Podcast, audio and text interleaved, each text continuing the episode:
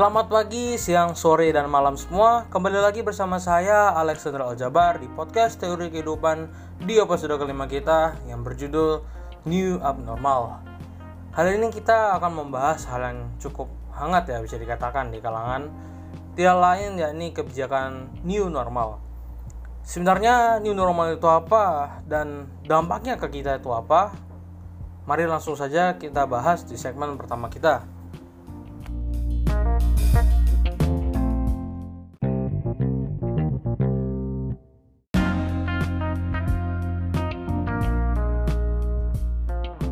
Tentu saja teman-teman semua, new abnormal adalah parodi dari kebijakan new normal ya. Karena memang sedikit aneh. Tapi ingin ku tegaskan di sini pandanganku mengenai new normal ini bahwa aku sangat yakin bahwa ini adalah hal yang diperlukan. Ini adalah hal yang perlu diimplementasikan. Namun sayangnya dalam keadaan siap tidak siap. Karena seperti itulah Indonesia kami seperti di podcastku di, di episode sebelumnya, aku mengatakan bahwa Indonesia adalah negara yang tidak siap menghadapi ini. Sehebat-hebatnya bangsa kita, bangsa Indonesia ini, sayang sekali kita tidak siap, kawan-kawan. Negara kita tidak siap menghadapi pandemi ini. Namun, dengan adanya new normal ini adalah sebuah hasil dari ketidaksiapan tersebut. Aku mengatakan bahwa kita tidak punya cukup dana untuk menanganinya. Pemerintahan kita semua korup gitu kan. Pemerintahan kita semua bisa dikatakan aku nggak aku nggak berani ngomong bilang semua ya tapi aku sangat yakin mayoritas kalian pasti ada yang melihat berita-berita artikel-artikel di mana pemerintah daerah bahkan mungkin pusat ya itu korup mencuri dari rakyat. Jadi ketika aku berkata negara kita dari siapa? Aku sangat yakin itu valid dan aku yakin kalian semua setuju dengan apa yang aku katakan.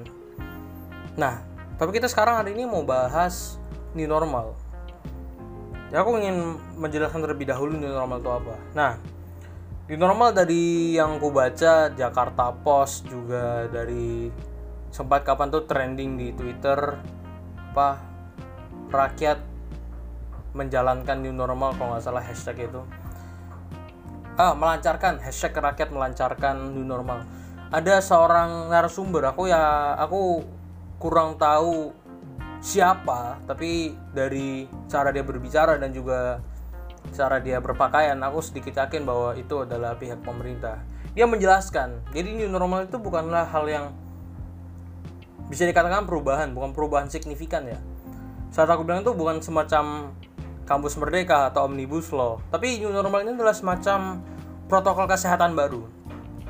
Sebelum new normal ada normal yang dahulu old normal normal yang biasa.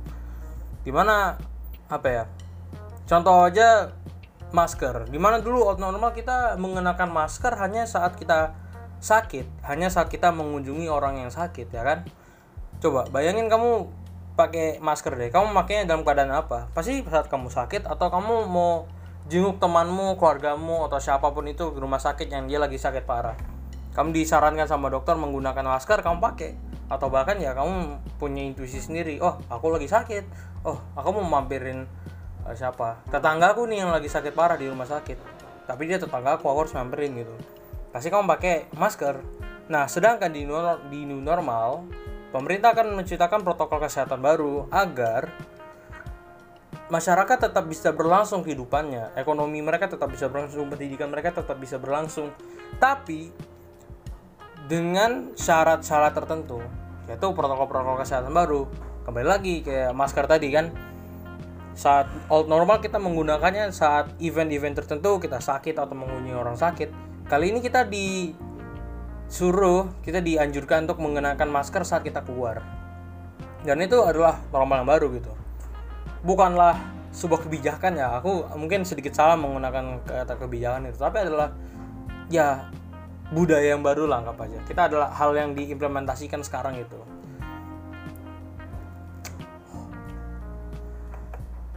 Jadi kalau misalkan orang bilang wah kebijakan ini normal nih begini begini begini ya menurutku pribadi ini adalah hal yang diperlukan. Apakah kita siap? Aku sangat yakin tidak. Menurut Jakarta Post ya kemarin kemarin kalau nggak salah hari Rabu minggu lalu 23.000 lebih kasus positif. Dan 1000 lebih yang udah meninggal. Sebentar aku cross check ya meninggal lebih dari 1400 apakah kita siap untuk menerapkan normal yang baru ini? Aku rasa tidak. Sangat tidak men. Kamu lihat aja sekelilingmu men. Rakyatnya nggak ada yang disiplin. Aku pribadi harus kuakuin aku nggak disiplin juga. Tapi apakah new normal tidak boleh diterapkan? Apakah new normal? Ya seperti itu tidak boleh diterapkan. Ya aku rasa tidak juga. Karena ini adalah hal yang dibutuhkan aku ngambil ini dari skala kecil ya. Aku nggak aku nggak begitu paham dari skala besarnya di mana skala senegara dan lain-lainnya. Tapi aku ambil dari keluarga kecil gitu. Bapaknya karena corona nggak aja dia nggak boleh kerja dia nggak boleh keluar rumah. WFH bullshit itu kan. Work from home work from home aja itu.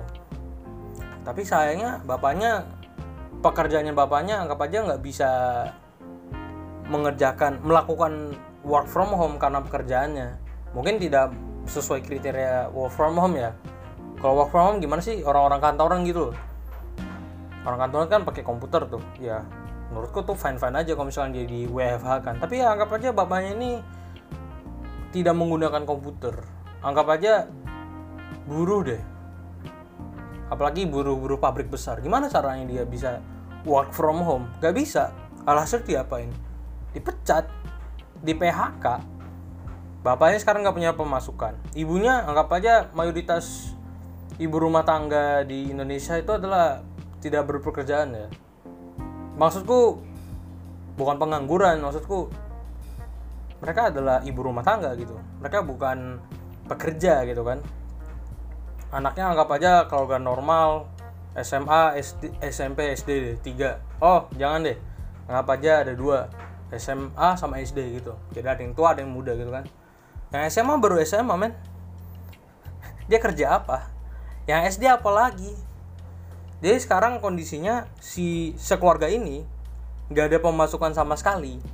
Dan dari uh, podcastku sebelumnya aku mau mengemukakan mengemukakan fakta kalau bansos bantuan tunai langsung itu belum diturunkan sama pemerintah. Jadi ya pada dasarnya itu sekeluarga nggak ada uang sama sekali. Oke okay, fine ada keluarganya yang bisa membantu. Tapi seberapa? Bukannya aku merendahkan bukannya aku meremehkan tapi ya bantuan pun akan berhenti gitu loh. Jika mereka tidak membantu diri mereka sendiri maka bantuan itu akan berhenti juga. Terus orang bilang ini ada new normal nih ya, di mana semua permasalahan itu akan selesai. Dengan apa? Dengan memperbolehkan mereka untuk bekerja lagi gitu mereka diperbolehkan untuk punya pekerjaan lagi si bapaknya ini agar ada pemasukan di rumah.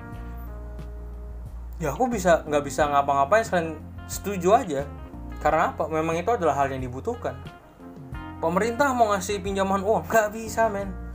Gak jauh-jauh deh balik papan ya kemarin. Ada kalau nggak salah pemkot itu mengatakan bahwa denda terlambat bayar pajak kalau nggak salah. Itu nggak bakal dikenakan ke masyarakat karena ya karena corona itu kan. Tapi apa yang terjadi? Belakangan ini akhirnya dibuka dan apa yang terjadi? Kena denda tetap men. Nggak bisa. Sudahlah. Dengan adanya new normal ini permasalahan itu akan berhenti gitu. Permasalahan itu akan uh, selesai. Karena ya simpel aja tadi. Keluarga tersebut yang belakangan ini membutuhkan bantuan dari pihak luar sekarang bisa membantu diri mereka sendiri.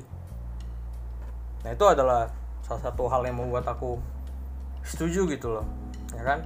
Apalagi kalau kalian baca-baca itu maka bisa dikatakan adalah perbaikan gitu. E, contohnya yang nomor satu adalah tingkatan higienis tingkatan kebersihan kantor itu. Aku pribadi nggak pernah kerja di kantor ya mohon maaf. Aku nggak bisa memberikan secara langsung ya. Tapi aku saat bapakku masih ada di kantornya aku bisa mengatakan bahwa kantornya itu tidak terlalu bersih gitu. Aku nggak akan menyebut nama nama perusahaannya. Tapi aku bisa tahu aku sering ke kantornya. Nah itu bukan kantor yang bersih man dengan adanya ini maka ya masyarakat Indonesia atau setidaknya kantor-kantor sekarang punya insentif. Ya kita harus bersih bersih kantor men. Kalau enggak ya orang-orang kantor bisa kena sakit dan tiba-tiba kantornya tutup lagi. Aku nggak bisa membantu keluarga aku lagi kalau gini. Sebenarnya ada insentif gitu ada dorongan seperti itu.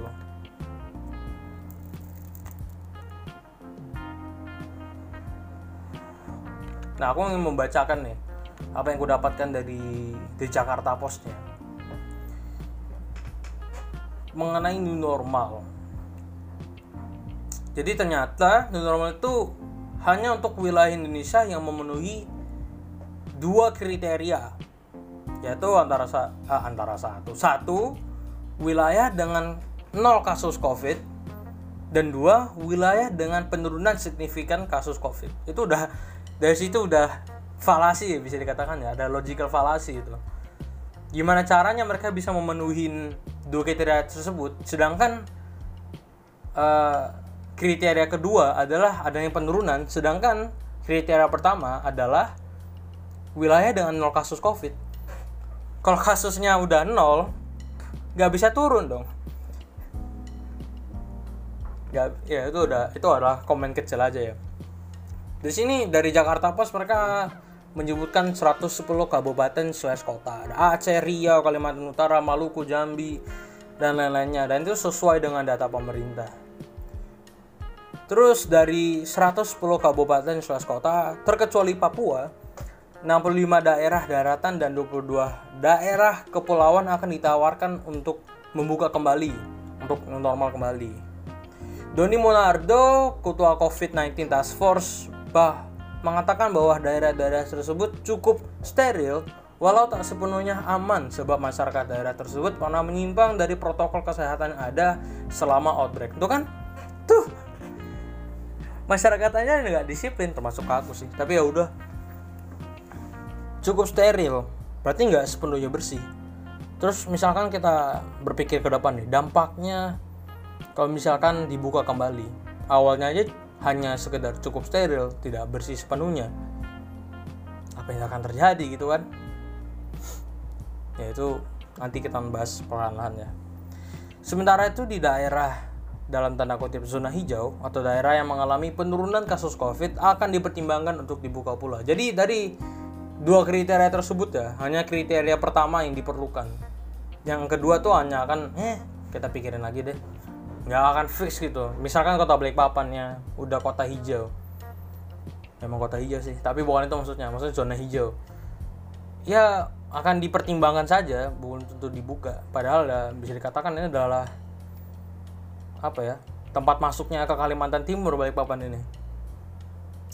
Salah satu kriteria lainnya adalah adanya indikator penurunan sebanyak 50% dalam angkos COVID. Jadi itu tadi dari kriteria kedua tuh. Oh, 50% dalam angka kasus COVID serta kematian. Tapi kita datang ke daerah utama nih, ke kepulauan utama nih. Jawa ya kan Gubernur Jawa Barat nih Ridwan Kamil mengumumkan provinsinya akan terbuka kembali mulai 1 Juni 2020 jadi udah dibuka dari kemarin ya Selamat menikmati teman-teman di sana. Aku nggak tahu banyak cerita ya, tolong. Jadi aku bisa ada bahan buat buat podcast ini. Terus Menteri Kesehatan Terawan Agus juga tengah menyiapkan protokol kesehatan tempat kerja demi memenuhi kebutuhan new normal. Loh, mungkin gini, karena udah dibuka ya, Jawa Barat udah dibuka, berarti ya aku bisa mengasumsikan, maksudnya setidaknya mengespekulasi kalau protokol kesehatan itu udah ada. Tapi di sini nih ada yang penting dari The Jakarta Post. Epidol, epidemiologis telah memperingatkan pemerintah untuk lebih bijaksana dalam mengambil keputusan sebab tren kasus COVID terus menerus meningkat. Nah, di situ. Sesuai graf yang diberikan WHO kalau nggak salah. Saat negara-negara lain sedang mengalami penurunan kasus COVID, Indonesia tetap naik, men. Pernah kita plato, pernah. jadi sempat naik terus datar plato ya kan? Tapi habis kemudian naik lagi. Dan ini sampai sekarang seingatku belum ada penurunan belum ada pemerataan lagi belum ada datarnya lagi masih naik terus. Dan di sini sebenarnya adalah debat di pemikiranku. Ini adalah hal yang dibutuhkan tapi apakah sekarang itu kan? Dan situ ada aku kembali lagi siap nggak siap ini harus dilakukan. Suka nggak suka ini harus dilakukan. Karena apa? Karena memang kita nggak siap. Dan kita tidak bisa tapi harus dilakukan. Karena kalau tidak ya orang akan mati di rumah mereka kelaparan. Slogan yang cukup populer di kalangan pendukung new normal itu adalah bergerak atau diam dan mati. Dan itu benar dan aku pun setuju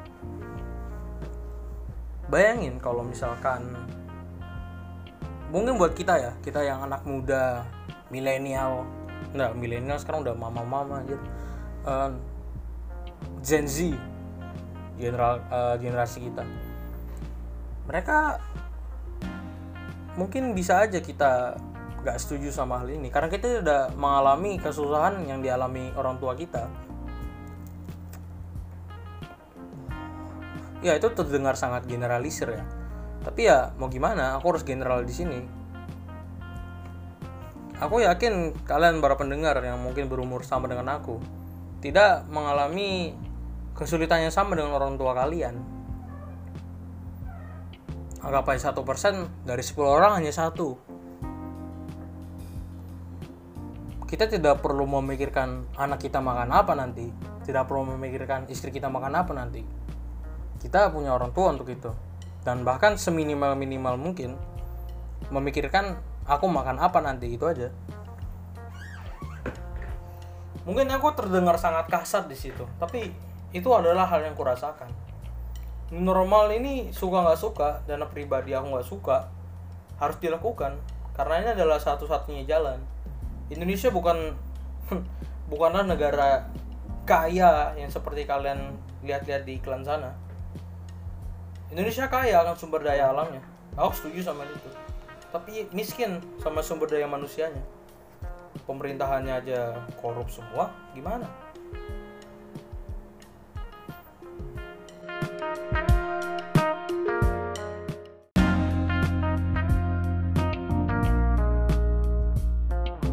Selanjutnya aku ingin membahas tentang kekurangan-kekurangan dari new normal ini ya ya aku setuju sama normal. Suka nggak suka. Aku setuju harus dilakukan. Tapi ada kekurangannya dan itu perlu ku kritik. Salah satunya ialah yang ku pegang teguh itu di bagian pendidikannya. Di jauh hari ada draft atau ada postingan artikel mengenai new normal mengenai di bidang pendidikannya. Semuanya normal tuh aku baca. Normal. Semuanya biasa aja maksudku kerja akhirnya tempat kerja lain-lainnya bla bla bla bla masih bagus. Mengenakan masker bla bla bla bla oke okay, fine. Terus di pendidikan. Pendidikan tetap online. Nah di sini aku bisa aku sangat sangat bingung sebenarnya. Aku sangat bingung kenapa bisa seperti ini. Karena apa ya? Kesannya yang ku dapatkan dari postingan tersebut dari artikel tersebut adalah pemerintah Indonesia nggak mau sepenuhnya kayak gimana? Karena kecil nyelupin kakinya ke kolam gitu. Celup ah panas gitu kan. Tapi cuman segitu aja gitu loh. Pendidikan ini sangat penting ya. Mungkin mungkin buat yang nggak paham tentang pendidikan nggak oh nggak penting gitu nggak perlu sekolah bla bla bla. Tapi jangan salah pendidikan adalah aspek terpenting yang ada. Pemerintah pemerintah pemerintah daerah pemerintah pusat sekolah nggak mereka? Sekolah. Ada yang bilang kalau oh pemerintah uh, menteri kelautan gitu dulu cuma sampai SMP tapi dia SMP nggak? SMP dia. SD SD dia. Mungkin sedikit salty karena aku sebuah pendidikan. Tapi enggak aku sebelum dari sebelum masuk kuliah pun udah sangat merasa kalau pendidikan itu penting man khususnya pendidikan bahasa. Tapi itulah hal yang penting. Suka nggak suka mau nggak mau pendidikan itu penting. Informal formal non formal bullshit atau penting. Dan mereka yang mengatakan oh pendidikan tuh nggak penting. Enggak kamu salah. Yang kamu maksud itu sekolah.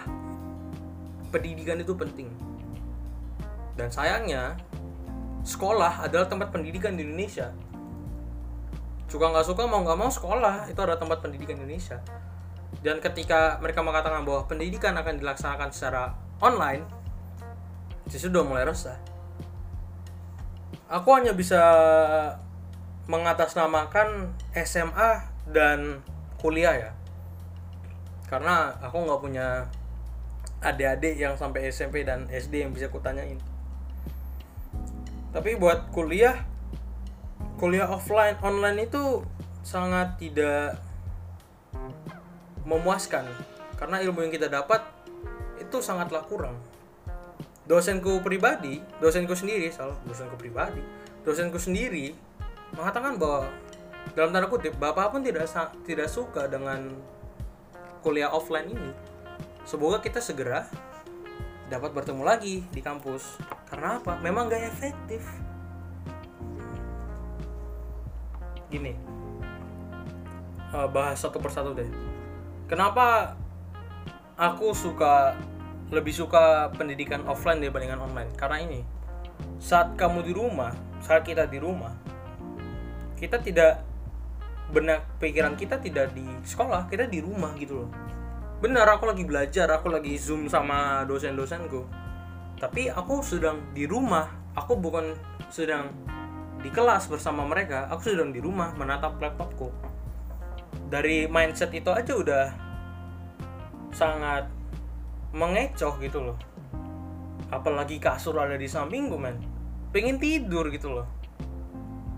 Jadinya apa? Aku jadi jujur aja malas gitu loh. Karena apa? Ya karena online gini dosen nggak nggak begitu interaktif lagi sama mahasiswanya ya karena mereka tidak mampu gitu loh. Sangat sulit untuk berinteraksi dengan hal yang tidak ada di depan kita gitu loh. Aku aja sangat sulit merekam ini karena aku tidak berbicara dengan manusia.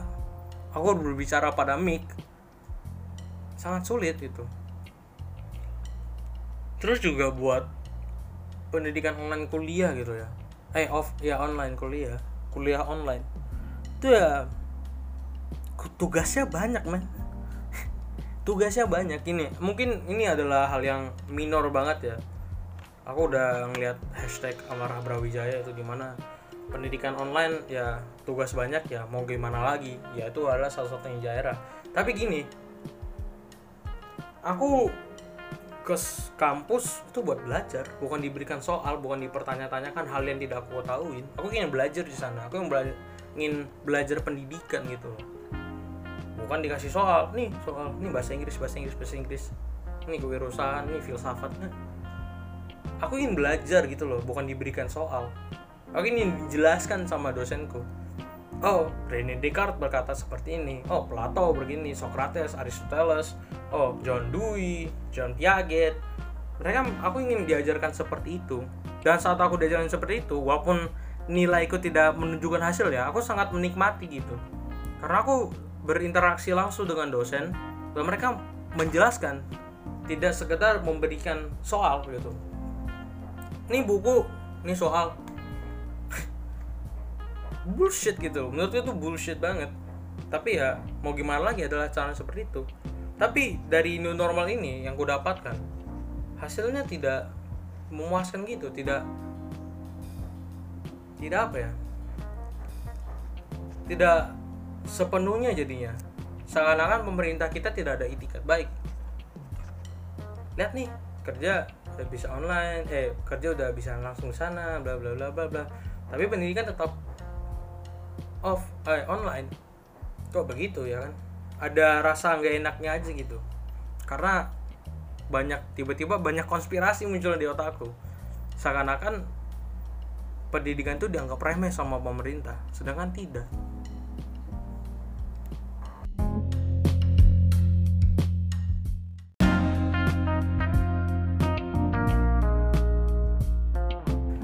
teman-teman semua akhirnya kita ada di penghujung acara di segmen ketiga kita ya. Di sini aku ingin membahas mengenai dampaknya, dampak new normal terhadap kehidupan kita. Khususnya di bagian medis dalam artian ya, kasus covid gitu. Pastinya ada yang di benak kalian itu adalah apakah new normal tidak akan menceritakan uh, gelombang kedua gitu di mana oh akhirnya negara dibuka kembali orang-orang berinteraksi secara langsung eh tiba-tiba ada yang batuk eh tiba-tiba angka yang sekarang 23.000 lebih double jadi 46.000 gara-gara negara dibuka kembali. Dan aku rasa pemikiran kalian sama dengan aku. Iya aku sangat takut akan hal itu terjadi dan aku rasa itu akan terjadi. Jika masyarakatnya tidak disiplin dengan protokol-protokol kesehatan yang ada. Dan oleh karena itu ini adalah salah satu hal yang ingin aku kritik lagi ya. Sama halnya dengan PSBB jika protokol-protokol kesehatan new normal ini tidak diberikan hukum yang jelas tidak diberikan set aturan yang jelas dengan hukumannya yang jelas, maka masyarakatnya tidak akan serius dalam menangani new, new normal ini. Contohnya PSBB, siapa tuh? Uh, Ferdian Paleka. Aku kemarin nonton uh, podcastnya Om Deddy Corbuzier di uh, apa sih itu? Close the Door itu loh. Sama Mael Lee gitu kan. Mael mengatakan kalau Ferdian Paleka itu mengatakan bahwa dia um, membantu pemerintah menyebarluaskan PSBB sedangkan dia sendiri tidak itu kan? Dari Maeli aja dari Ferdian Paleka itu aja udah nampak gitu uh, bahwa seberapa tidak disiplinnya Indonesia. Karena apa? Ya karena peraturannya tidak jelas gitu. Juga ada kemarin tuh postingan uh, dosen mana tuh ya? UGM kalau nggak salah tweet di Twitter atau di Facebook mengenai or, pem, uh, uh, apa namanya masyarakat Indonesia yang tidak disiplin. Nah di sini adalah kontradiksi juga sebenarnya. Dosennya mengatakan kalau Indonesia, masyarakat Indonesia itu bukannya tidak disiplin, tapi set peraturannya itu yang tidak jelas. Coba bayangin mereka ke Australia, ke Jepang, mereka ke Singapura, mereka langsung disiplin sama peraturan-peraturan yang ada. Contohnya tidak boleh merokok sembarangan di Singapura tuh kan. Mereka langsung stop merokok gitu loh. Karena apa? Mereka menyadari kalau di sini ada peraturan dan peraturannya dijaga ketat didirikan dengan tegas dan ketahuan hukumannya sudah jelas dan sangat berat. Jika hal itu tidak diberlakukan di Indonesia jika ketidakberadaan salah. Jika aturan yang jelas itu tidak ada dan hukumannya itu tidak ada juga maka aku sangat yakin bahwa gelombang kedua kasus covid ini akan berlimpah ruah. Tiba-tiba aja kantor ada yang nggak bersih tempatnya. Wah tiba-tiba jadi tempat berkembang biaknya covid ini kan bukan berkembang biak sih tapi tempat penularan gitu loh. Bisa tuh. Tiba-tiba banyak yang uh, berkumpulan di tempat ramai tidak menggunakan masker. Wah karena itu suka nggak suka mau nggak mau ya harus harus ada aturan yang jelas itu. Walaupun sebelum sebelumnya di podcast podcast episode-episode sebelumnya mengatakan bahwa aku tidak suka menggunakan hukum dalam argumenku. Ya ini adalah salah satu apa ya pengecualian. Aku mengatakan dalam episode-episode sebelumnya kalau aku tidak menggunakan hukum dalam argumenku karena payung yang bocor tidak akan melindungi orang yang memegangnya gitu loh. Payungnya ini hukum orang itu lah masyarakat Indonesia. Payungnya ini udah nggak bener. Udah jelas nanti masyarakatnya juga nggak bener tetap basah mereka. Oleh karena itu aku sangat menghimbau. Nggak bakal didengar juga sih sama pemerintahnya jujur aja. Tapi ini aja aku mengatakan semisalnya pemerintah tidak mendirikan hukum yang jelas terhadap new normal ini maka gelombang kedua itu akan terjadi